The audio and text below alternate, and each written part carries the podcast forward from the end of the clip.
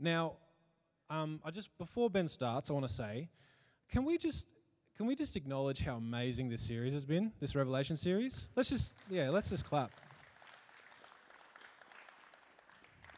Um, it's just been incredible, and the amount of work, the amount of effort that Adam and Ben and Di and Rob also have put into this have put into this thing. It's like it's beyond belief. So, and it's been really, I've got so much out of it. I'm sure you have as well. So, I just want to thank you, Ben and Adam, um, especially. Um, and yeah, off you go. Last one. This yep. is exciting. Yep. yes, indeedy. This is it. The last in our series looking at the book of Revelation. Um, hopefully, you've enjoyed this series, um, that you've gained an appreciation for this wonderful book, um, and that Adam and I have provided you with an interpretive approach that makes sense of the book's first century context, but also looks at what it still means uh, for us today. Well, today we're going to look at the last two chapters, uh, Revelation 21 and 22, um, as well as taking a bit of a time to sum up the book as a whole. Well, we sort of ended things last week on a bit of a cliffhanger. Um, we saw evil's last ditch attempt at trying to prevent the inevitable. Uh, but ever since Jesus' death on the cross and his resurrection, um, that final destination was never in doubt. Uh, God will win in the end. Victory is assured. I, have heard the situation uh, likened a little bit to D Day, uh, World War II. Um, once the Allies made it onto that beach and that they were able to hold it, Hitler was done for. Um, it just took a lot of blood, sweat, and tears to bring about his inevitable end. And then, so in, in Revelation 20, we read about an enormous army that tries to defeat the Lamb, but it's no good. The dragon, that ancient serpent from right back in the Garden of Eden, is thrown into the lake of fire. Then, with the resurrection of all humanity, death itself dies. Yes, there is a bit of a sad moment with those whose names are not written in the Lamb's Book of Life being thrown into the lake of fire as well. But as we talked about last week, God does not want anyone to perish, and He is just. So I believe he gives everyone a fair judgment based on what they know about him. More than that, um, that it actually comes down to who is known by Jesus. And we may be surprised to find out who is known by Jesus. And certainly, that rather disquieting saying of Jesus makes it clear that some, who, some will be surprised to find out they're not known by Jesus. Be that as it may, the cliffhanger was about those whose names are written in the Lamb's book of life. What's going to happen to them? Well, we find out in the last two chapters of the Bible. So, if you've got a, a book, Bible version anywhere, turn to Revelation 21, which starts with this verse Then I saw a new heaven and a new earth, for the first heaven and the first earth had passed away, and there was no longer any sea. Did you notice the NIV, which I've got up on screen, includes quotation marks in this verse? Because, once again, a passage from the Old Testament prophets is being alluded to. Uh, this time, it's coming from Isaiah 65. Here's the um, significant passage for this. So, Isaiah 65, verses 17 to 19 See, I will create new heavens and a new earth the former things will not be remembered, nor will they come to mind, but be glad and rejoice forever in what I will create. For I will create Jerusalem to be a delight, and its people a joy. I will rejoice over Jerusalem and take delight in my people. The sound of weeping and of crying will be heard in it no more. Now, there are some differences between this passage and Revelation. Um, if we were to keep reading in Isaiah, we will see that death is still in the picture. But John has taken this idea of new heavens and a new earth and he has run with it. So, back to Revelation. Uh, actually, in fact, there's a small bit of Revelation 20 that I didn't highlight last week. It was this verse 11 in, in Revelation 20. Then I saw a great white throne and him who was seated on it. The earth and the heavens fled from his presence, and there was no place for them. It, it, it's only mentioned in passing, but the earth and the heavens are sort of wiped away in this verse. So it's not surprising that when we get to Revelation 21, that a new earth and new heavens are needed. So, this part again at the start of Revelation 21. Then I saw a new heaven and a new earth, for the first heaven and the first earth had passed away, and there was no longer any sea. I saw the holy city, the new Jerusalem, coming down out of heaven from God, prepared as a bride, beautifully dressed for her husband. And I heard a loud voice from the throne saying, Look, God's dwelling place is now among the people, and he will dwell with them. They will be his people, and God himself will be with them and be their God. He will wipe every tear from their eyes. There will be no more death, or mourning, or crying, or pain, for the old order of things has passed away. He who was seated on the throne said, I am making everything new. Then he said, Write this down, for these words are trustworthy and true. Now, couple of points about this. Um, is anyone here a fan of going to the beach? Yeah, good. Lots of hands. Uh, who enjoys walking along the shore, watching the waves of the ocean crash onto the rocks? Uh, you might then be concerned to learn that there will be not any sea in the new earth. But don't panic. We have to keep in mind um, that this book uses symbolism. All right, eight weeks of it. I think you've got the picture. There is symbolism here. And this is definitely one of these moments. Because within the ancient Near Eastern thought, the sea was a symbol of chaos. Um, the sea was a, a powerful, chaotic force. Um, if you just think about what it might have been like to, to, to, to go sailing on the Mediterranean Sea without the benefit of compasses or GPS devices, etc., etc., you could get lost very easily. Um, ships in this time uh, even in the, in the first century, mostly hugged the coastlines. They only ventured out into the open waters at specific times of the year when the winds and the water currents were favourable. Storms could blow up uh, incredibly quickly, and ships could be torn apart or dashed on rocks, leading to the loss of everyone on board. So the sea became a symbol of chaos, danger, and death. And most importantly, the sea is present at the creation of the world. Genesis 1 1 to 2. In the beginning, God created the heavens and the earth. Now the earth was formless and empty, darkness was over the surface of the deep, and the Spirit of God was hovering over the waters.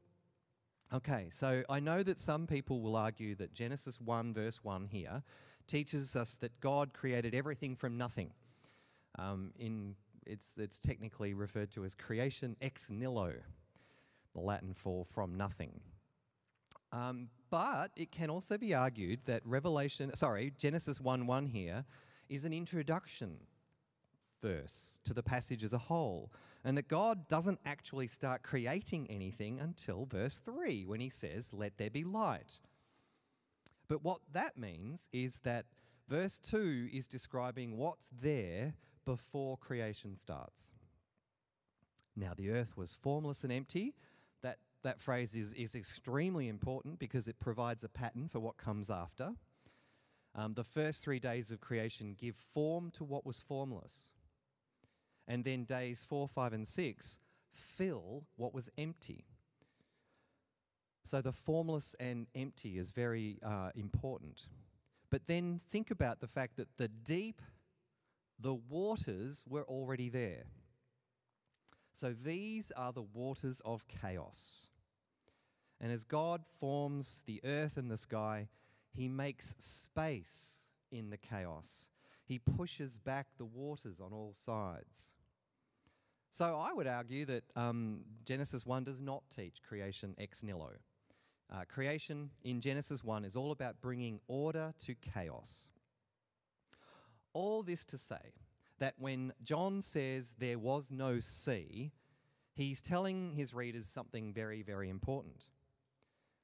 The new heavens and the new earth is not a return to the way things were at the beginning. Instead, things are going to be better, by far. Now, it's clear that John wants us to see similarities between uh, Genesis 1 and 2 and Revelation 21 and 22. I've even got a sermon, I think I've preached it here, where I talked about this, the similarities and differences between these two passages.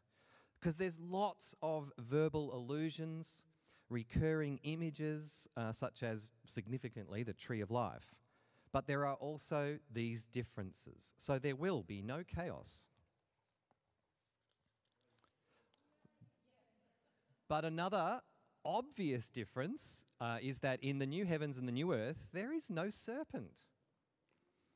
The Satan has been dealt with when he was thrown into the lake of fire in Revelation 20. Um, and sin has no place here either, which we will see if we keep reading. Um, he said to me, It is done. I am the Alpha and the Omega, the beginning and the end. To the thirsty, I will give water without cost from the spring of the water of life. Those who are victorious will inherit all this, and I will be their God, and they will be my children. Um, that sort of language even was in the first uh, five verses as well. It's, it's basically covenant language, re- reinforcing the covenant between God and his people. But then we get this verse But the cowardly, the unbelieving, the vile, the murderers, the sexually immoral, those who practice magic arts, the idolaters, and all liars, they will be consigned to the fiery lake of burning sulfur. This is the second death. So, no sin. And, of course, there is no death either, because death too was thrown into the lake of fire. All this is actually very hard for us to understand because we live in a world in which evil, sin, and death are a constant reality. So I find it hard to imagine what life will be like without these things. Uh, consequently, life in the new heavens and the new earth will be very different compared to life now. All right, let's keep reading. Um, 9 through to 14. Uh, one of the seven angels who had the seven bowls full of the seven last plagues came and said to, to me, Come, I will show you the bride, the wife of the Lamb. And he carried me away in the Spirit to a mountain great and high, and showed me the holy city, Jerusalem, coming down out of heaven from God. It shone with the glory of God, and its brilliance was like that of a very precious jewel, like a jasper, clear as crystal. It had a great high wall with twelve gates, and with twelve angels at the gates. On the gates were written the names of the twelve tribes of Israel. There were three gates in the east, three on the north, three on the south, and three on the west. The wall of the city had 12 foundations, and on them were the names of the 12 apostles of the Lamb. Um, it isn't really important, but that last verse is actually a reasonable indicator that the John who wrote Revelation was not John the Apostle, uh, the brother of James, who together were known as the sons of thunder. I mean, I guess it's possible that John the Apostle could have made a self referential comment here, but it's more likely that this shows that Revelation should be dated to a period after the apostles, at a time when those in the church recognized how foundational the apostles had been to the growth of the early church. As I said, it's not really important. Um, the angel goes on to measure the city and describe it in terms of gold and precious stones. Um, interestingly, the size of the city is enormous. The NIV uses 12,000 stadia in the text, but if you look at the little footnote, it says that this would be 2,200 kilometres. Here's how much of Australia would fit into a square of that side length. And remember, this city is a cube. All right, so those think that and then go up. All right, we are talking a truly massive object. If I had had the time and patience, I might have even tried to calculate the gravitational pull that this thing has, but I didn't. Um, anyway, what's it going to be like in this city? Well, John gives us some details. 22 to 27. I did not see a temple in the city because the Lord God Almighty and the Lamb are its temple. The city does not need the sun or the moon to shine on it, for the glory of God gives it light, and the Lamb is its lamp. The nations will walk by its light, and the kings of the earth will bring their splendor into it. On no day will its gates ever be shut, for there will be no night there. The glory and honor of the nations will be brought into it. Nothing impure will ever enter it, nor will anyone who does what is shameful or deceitful, but only those whose names are written in the Lamb's book of life. Um, then, as we turn into Revelation 22, we read about the tree of life and a river of the water of life. So, verses 1 to 5 of Revelation 22. Then the angel showed me the river of the water of life as clear as crystal, flowing from the throne of God and of the Lamb down the middle of the great street of the city. On each side of the river stood the tree of life, bearing twelve crops of fruit, yielding its fruit every month. And the leaves of the tree are for the healing of the nations. No longer will there be any curse. The throne of God and of the Lamb will be in the city, and his servants will serve him. They will see his face, and his name will be on their foreheads. There will be no more night. They will not need the light of a lamp or the light of the sun, for the Lord God will give them light, and they will reign forever and ever. Well, if you needed any further evidence uh, that John's presentation is symbolic rather than literal, then this is a good example. How can a single tree stand on both sides of a river? Although it should be noted that some artists try to make an attempt. Uh, again, there are numerous uh, references to Old Testament passages here. Uh, for example, Ezekiel 47 describes a river flowing from the temple.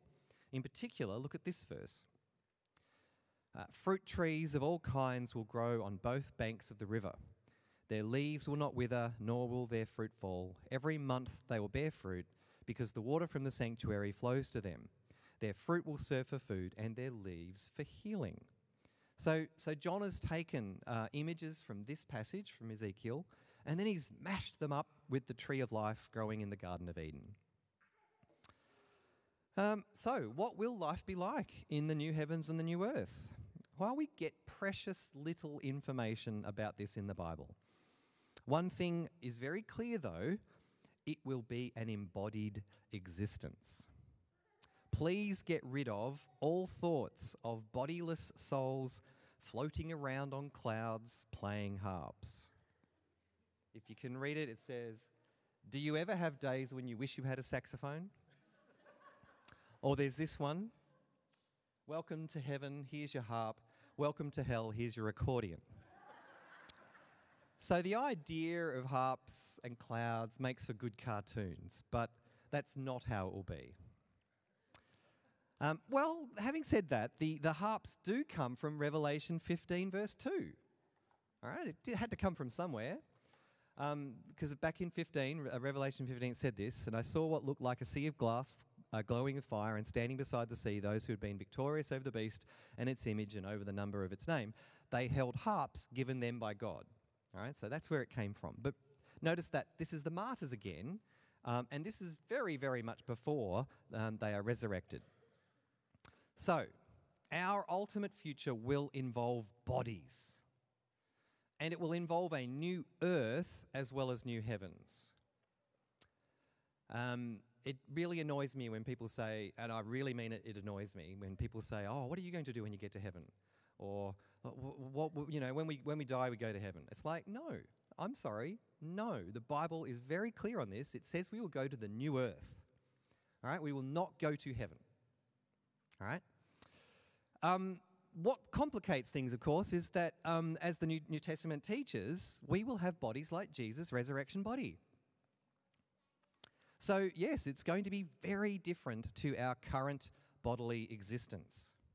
Think back to the Gospels um, and the, the resurrection appearances. Uh, Jesus could appear to his closest followers, and they didn't recognize him until he, until he wanted them to. Uh, he could eat Right? He ate fish in front of them. But then he could enter locked rooms and he could disappear in one place and reappear in another place. These minuscule little glimpses we get of what Jesus' resurrection body, um, that's going to be us. Um, I look at these little glimpses and I just wonder, what will life be like? And I hypothesize that, like Jesus, we will be able to teleport from one place to another instantaneously. Which means we will be able to travel faster than light, which means we may actually be able to explore the new heavens. So then I just I said earlier, we're going to be on the earth, and the, but the new heavens are going to be there as well, and maybe, maybe, just maybe, we'll actually get a chance to explore them. Um, it's one of my um, puzzles of our current existence. Is like, why did God create such a massive universe, which we humans will never be able to explore physically? Well, perhaps we will get a chance in the new universe, the one that is to come. That's my hypothesis only. Uh, one thing is for sure we will be with God personally. Uh, all the other details, we're just going to have to wait and see. And hypothesize. All right, and with that, we've made it to the end. Not just as the, of the book of Revelation, but the end of the Bible and the end of history itself. So, to conclude, um, how might we summarize the message of Revelation and what it means for us today? Well, I would argue it's a handbook for dealing with persecution.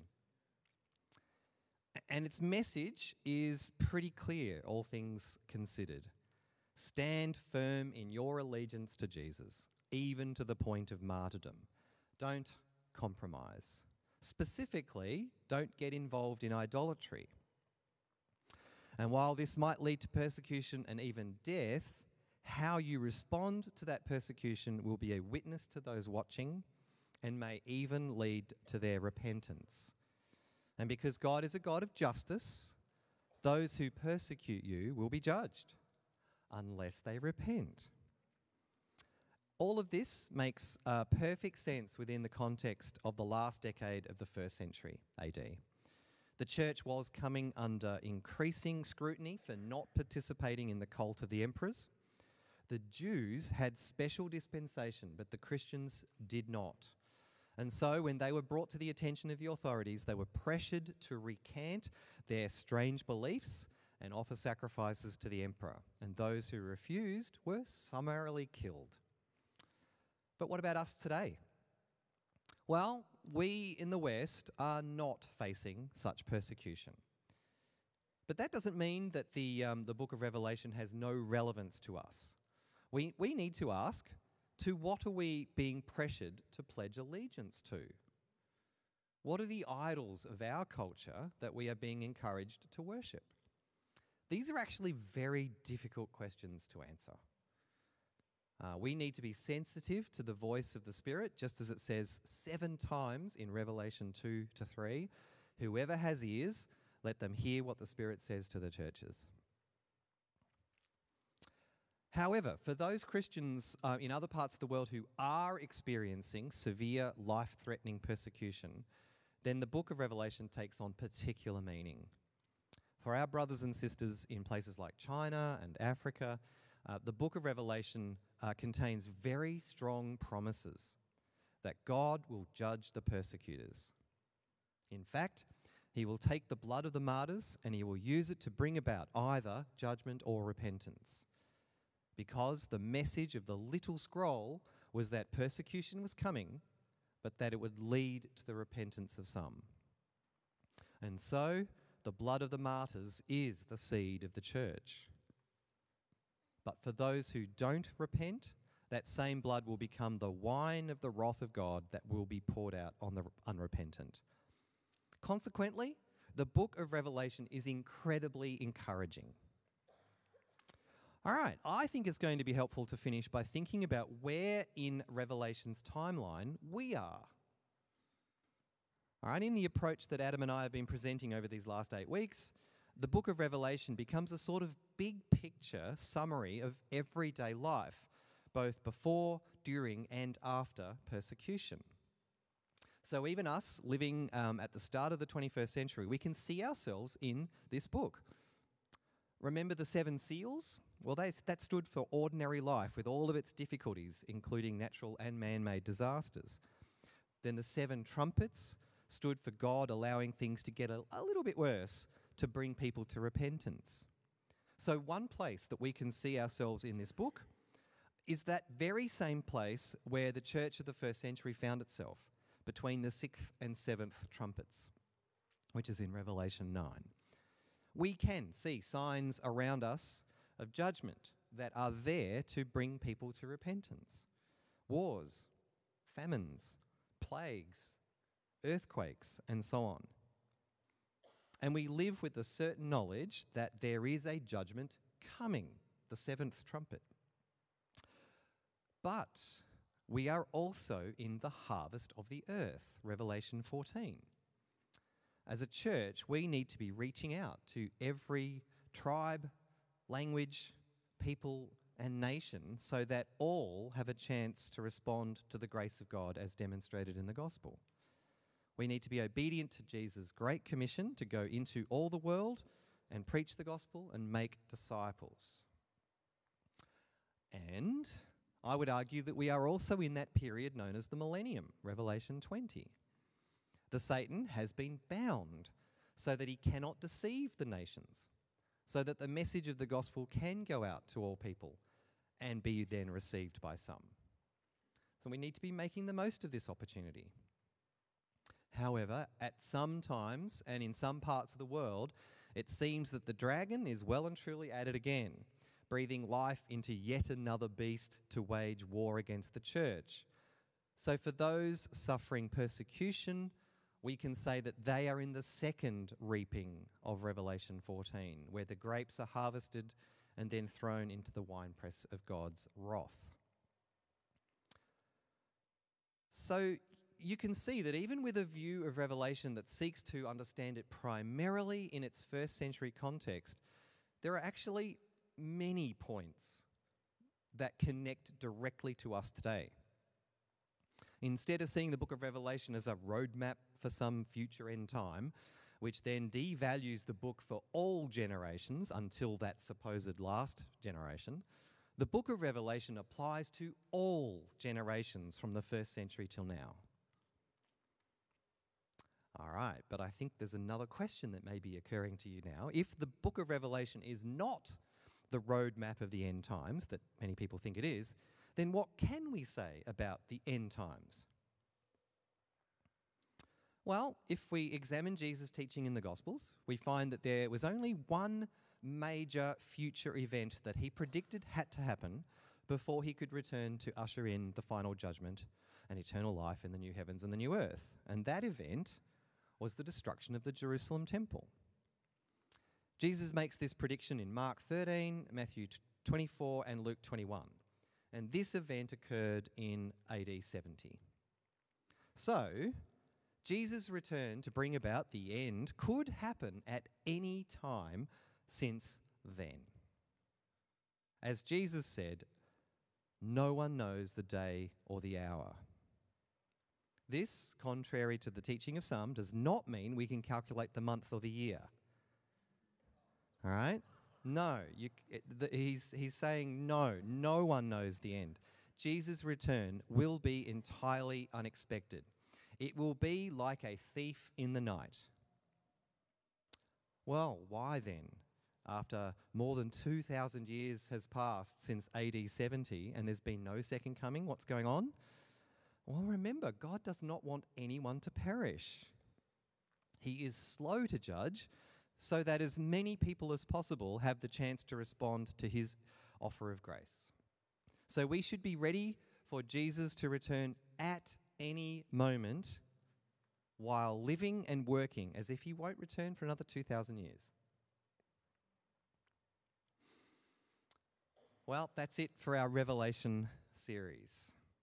I trust that you've been able to work your way through this fascinating book as Adam and I have provided you with an interpretive framework that attempts to make sense of all the strange and wonderful and at many points gory imagery. Um, feel free to ask Adam and me about any questions that you may have, although I'm not giving you my email. Um, I, we sort of were going to break into some uh, groups at some point, and I've got a couple of discussion questions here if you um, wanted to think about them. Um, that question I asked earlier about what are we um, pressured to pledge our allegiance to? What are the idols of our culture um, that we're being encouraged to worship? It's actually very easy. I'm not going to say anything because we're being recorded, but we can look at other countries and we can go, whoa, we can see what they're doing. you know, this is so, you know, wrong and, and, and so on, but it, it can be very hard to see what it is that we are doing wrong. Where, where are our allegiances and what are our idols? Very, very tricky question. And then, how do we balance out that, that tension between uh, expecting Jesus to return at any moment with the, the delay? And then, how does that refer to what we need to do with people that haven't yet responded to the gospel? So, there's a couple of questions there, but I think Adam is going to take us uh, through a uh, sort of an extra bit as well.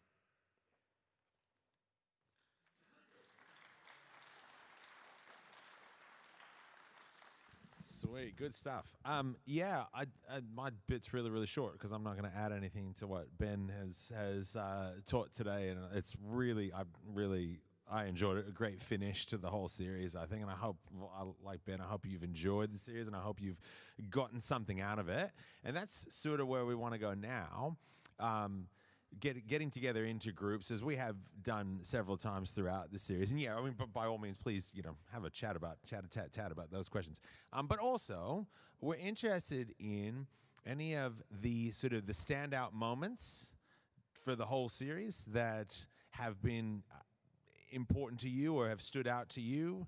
Um, it could be really, really that could be anything. I don't even want to tell you what that might be, but just thinking in terms of just standout moments, things that yeah. So this this really this really hit home to me. This really struck me, um, and.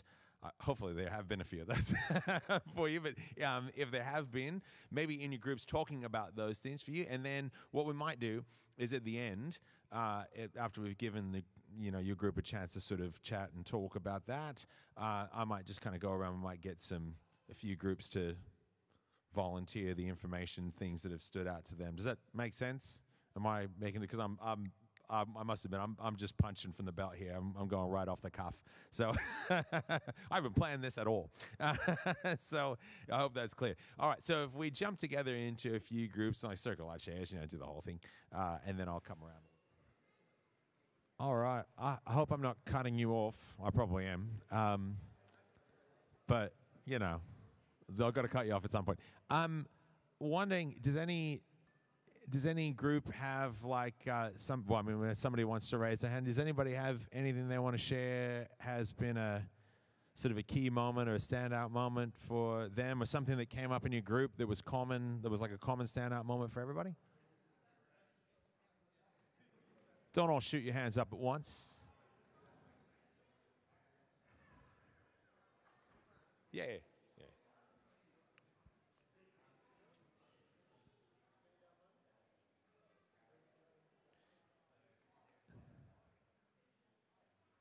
Cool. I didn't actually share this in the group because they were so chatty, but I think one of the standout moments um, for us hasn't actually been the Sunday conversation.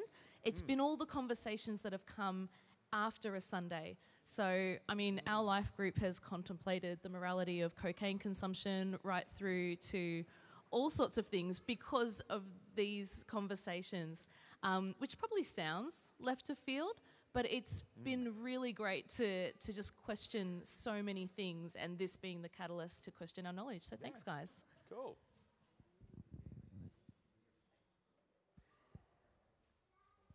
Hey, we talked about the fact that um, Ben was really bold this morning to say that um, when people say, oh, they're going to die and go to heaven, that actually it's not heaven in, up in the sky, it's actually mm. on earth in the New Jerusalem. And and I think that's really bold because the gospel that I was preached when I was a kid was all about give your life to Jesus so you don't go to hell and you go to heaven. Mm. Uh, and that was a really strong gospel that I, I, believed in and had this fear of dying. And so if I didn't give my life to Jesus, I would therefore not go to get to heaven. So I, I think that's really a bold thing to, to teach, and I think it's a really good thing. And Ben was just commenting on how Jesus came to teach more about how we live life now for one another and to love the poor, to love each other, and to love God, mm. rather than just living your life to quickly get out of here because it's so bad so you can go to heaven. And that was really good. Mm. So thanks for that, Ben and guys. Amen and amen. this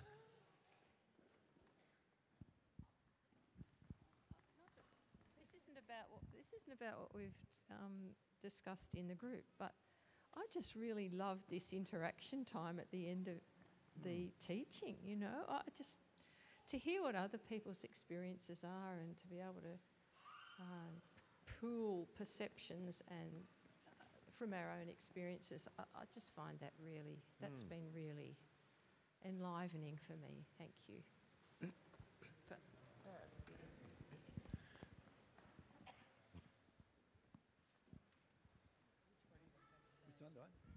Uh, a, st- a standout moment was that by about the third session, you could just be totally lazy about Revelation because you guys were going to answer the question.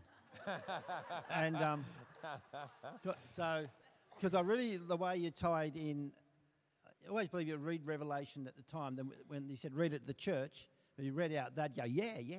They get it straight away, right? And you brought it that, that out really well. So some really basic things you said, like, of course everybody knows that, but I didn't know it. So- and no one else probably knew it. But like the seven hills representing Rome, right? And I think that's what it was. And that so when you that reference, it's a clear reference to Rome, and this is the context. And you go, makes perfect sense, right? Uh, but like the MCG was mentioned, we know it, it was Melbourne, right? And so it was as obvious as that. So I really enjoyed the way you brought it out as a really clear letter to the early church in a, in a genre they understood. That was brilliant. And uh, by the third or fourth session, I, I, I'd read ahead and go, I have no idea. But I know when it finishes, I'll know what they, that means. So thank you for that. I hope you've heard too that, like from Ben and from me, there's plenty in there that we don't get either. Like, I, I hope you've heard that bit. Like, you know, I don't want to leave. You know, we'll get to bits about like, say the beat, you know, the beat, the harlot riding on the beast with like the five, the seven heads, the seven hills, and the seven heads are also seven emperors, and one has come and one is not yet. And I mean, honestly, we do look at stuff like that. And think, I, who, who knows? honestly, what is so good? So I mean, I hope you've heard that too. We don't know everything about the book. We just there's a lot we don't understand.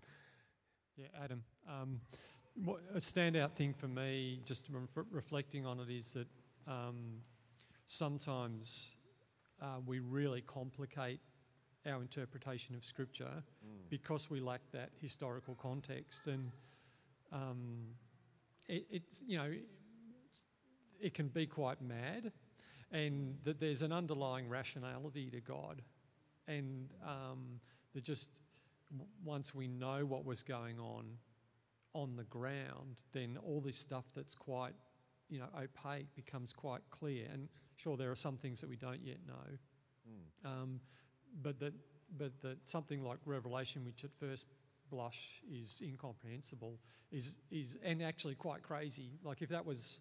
If someone went to a doctor and said, "I've been seeing these things," they would be straight into. and I'm not saying, I mean, not jo- making a joke of that. That would be a ma- that would be a form of madness, you know. And we wouldn't like to live like that every day. That would be really quite disturbing. And God isn't that sort of God. You know, so he speaks in ways that are completely understandable to us and to the people who received that, that revelation. So, um, and that's just a really good reminder that whenever I'm a little bit crazy inside, then I, I've got something wrong, you know, and then God's actually quite rational and grounded. Um, and the other thing is picking up something that Simon said is that when we don't understand what's going on in the visible world, that there's an invisible rationality that's grounded in the sacrifice of Jesus. And that um, if we follow that faithfully, and this is not a cop out from understanding, but it, it will ma- make sense in the end if we live His way, that those things that are invisible will become visible. And those things that seem to be the powers of the world that are visible and seem to vaunt themselves above Jesus, that they'll be, they'll be washed away. And so, yeah, to, to keep our focus when everything outside is overwhelming, that in the invisible world, Jesus is still King and He's coming back. Amen. Yeah. You're right.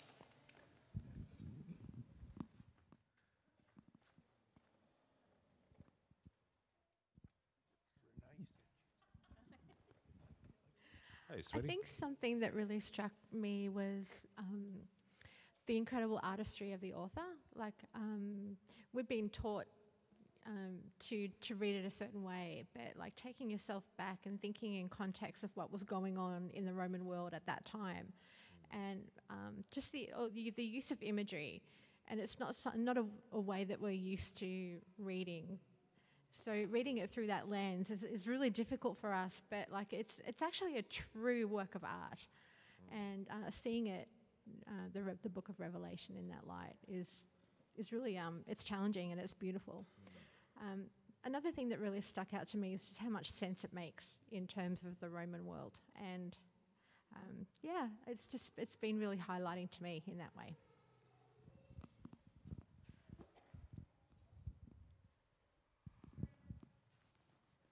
It's coming. just wait. um, I just wanted to say that I haven't been here because I've been sick for half of this series, but I enjoyed the end one because I'm moving in, hopefully, God willing, to that home in heaven because I like the size of it, mate. nice, Well, you can always catch up too on the miracle of YouTube. It's they're there. the rest of Um, just a bit of feedback on the whole series. Um, I've, what I've loved is how it's been significant to everybody in their own way. Like um, at Life Group on Tuesday, someone said they were freed from judgment. Another woman said um, suffering. I, I, suddenly understand suffering, and another person said something else. And it, it's almost that you really know God's in it when He is feeding us all things that we need to know. For me personally, I loved your teaching on the mark of the beast because that's something that has just been heavy on me since I first became a Christian and, and had the left behind teaching. And I've really been freed of that whole, I didn't realise how much that impacted and put fear into me. Mm. But that, that fear's gone, and, and like everybody else, I'm saying Revelation is a beautiful book. And the other thing I just wanted to mention is um, Miles's friend Jess, um, when she, how when you tell someone you're reading Revelation and loving it, other Christians are so fascinated because they have also read it and been put off it or, or fearful of it. And um, so Jess's workplace, when she goes in on Monday morning, they say to her, "So what did you learn about Revelation this week?" I mean, so it's it's gone out of us, and and that's really powerful. Thank you both, Ben and um, Adam. I, will just say, like for me, I, I think I'm just encouraged um, by. I think I'm just encouraged to hear how everyone's encouraged. Like, I mean, I, I think we've noticed. I think Ben would say the same thing. We've we've noticed how much um, people have really grabbed on to uh, revelation in a in a different and new way and how like things have been you know things have sort of been coming out and people have been saying to both of us like oh yes you know this really sort of um, this really lets me understand this part of this part of the book or the book as a whole. That's i mean that's encouraging to us because i think it just feels like we've been able to be a part of something we've been allowed to be a part of something um, and it, I, I find I'm for me I'm encouraged that's special for me to be able to participate in that way and to be able to sort of help in that way. Not like I mean, again, I'll, I'll stress this again. I always try to stress this. These are not like my idea. Like my these are not my ideas. I'm not that clever. Um, these are, these are ideas that come from sort of different scholars and things and interpreters out there. So it's not you know they're not original. But just to get the chance to sort of communicate them and share them. Um, and to see how much it's impacting people and, and sort of changing people is really, for me, it's personally very encouraging. So um, I really appreciate hearing all about that. Uh, so, and I think Ben would say the same. Yeah.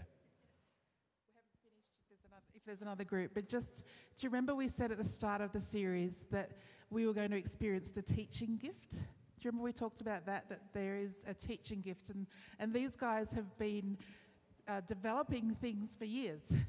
and so, as Adam's saying thank you to us, we're saying thank you as well that they've been um, growing in their teaching gifts to be able to bring and serve something at this time that we have so benefited from. And we've watched um, together like it's not just us going, oh, did you see that? Did you see that? You've experienced that together, that we've been drawn in. Even if there are things that we haven't agreed with, we've been able to wrestle through that and, until we get to the point of going, okay, we may disagree on that or we may agree on that. And that's just been a delight. And it's part of what Anne was talking about in our testimony time for those of you that weren't here that there are deep roots in this church because of you guys and your faithfulness to all the things that God's put in you. And this is one one thing that he's highlighting a teaching gift with these beautiful guys who are also friends, which made it really easy because in the friendship came this robust um, ability to kind of just trust each other with that.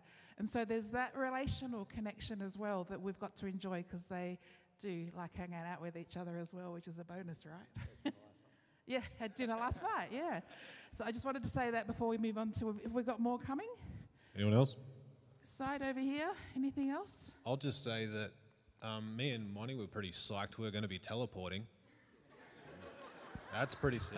We're so keen. Um, this was, um, we are talking about this on email with the worship team during this week, um, and you weren't in that email, so I'll share it with you. But we've really noticed an actual, we can feel a significant shift in worship as a congregation during this series, and we feel a real, just a real freedom and abandonment from everyone. Like it's really easy when you're up the front to feel it. I don't know whether you guys have felt it, but I think it comes from a couple things the passion that you guys have brought and the freedom that your teaching has brought, but also I think theologically, most of the church is on the same page about a, such a significant part of the gospel in our lives and the kingdom.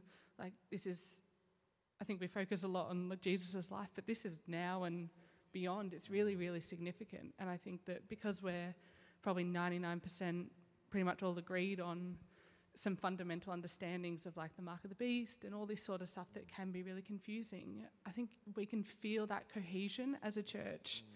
In our worship, and I think that whatever we're doing next, I have no idea, but you can just feel that momentum.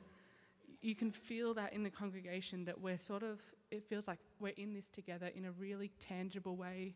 And it's just fantastic, like from both of you, this is such a gift that you've given us through your teaching as a community.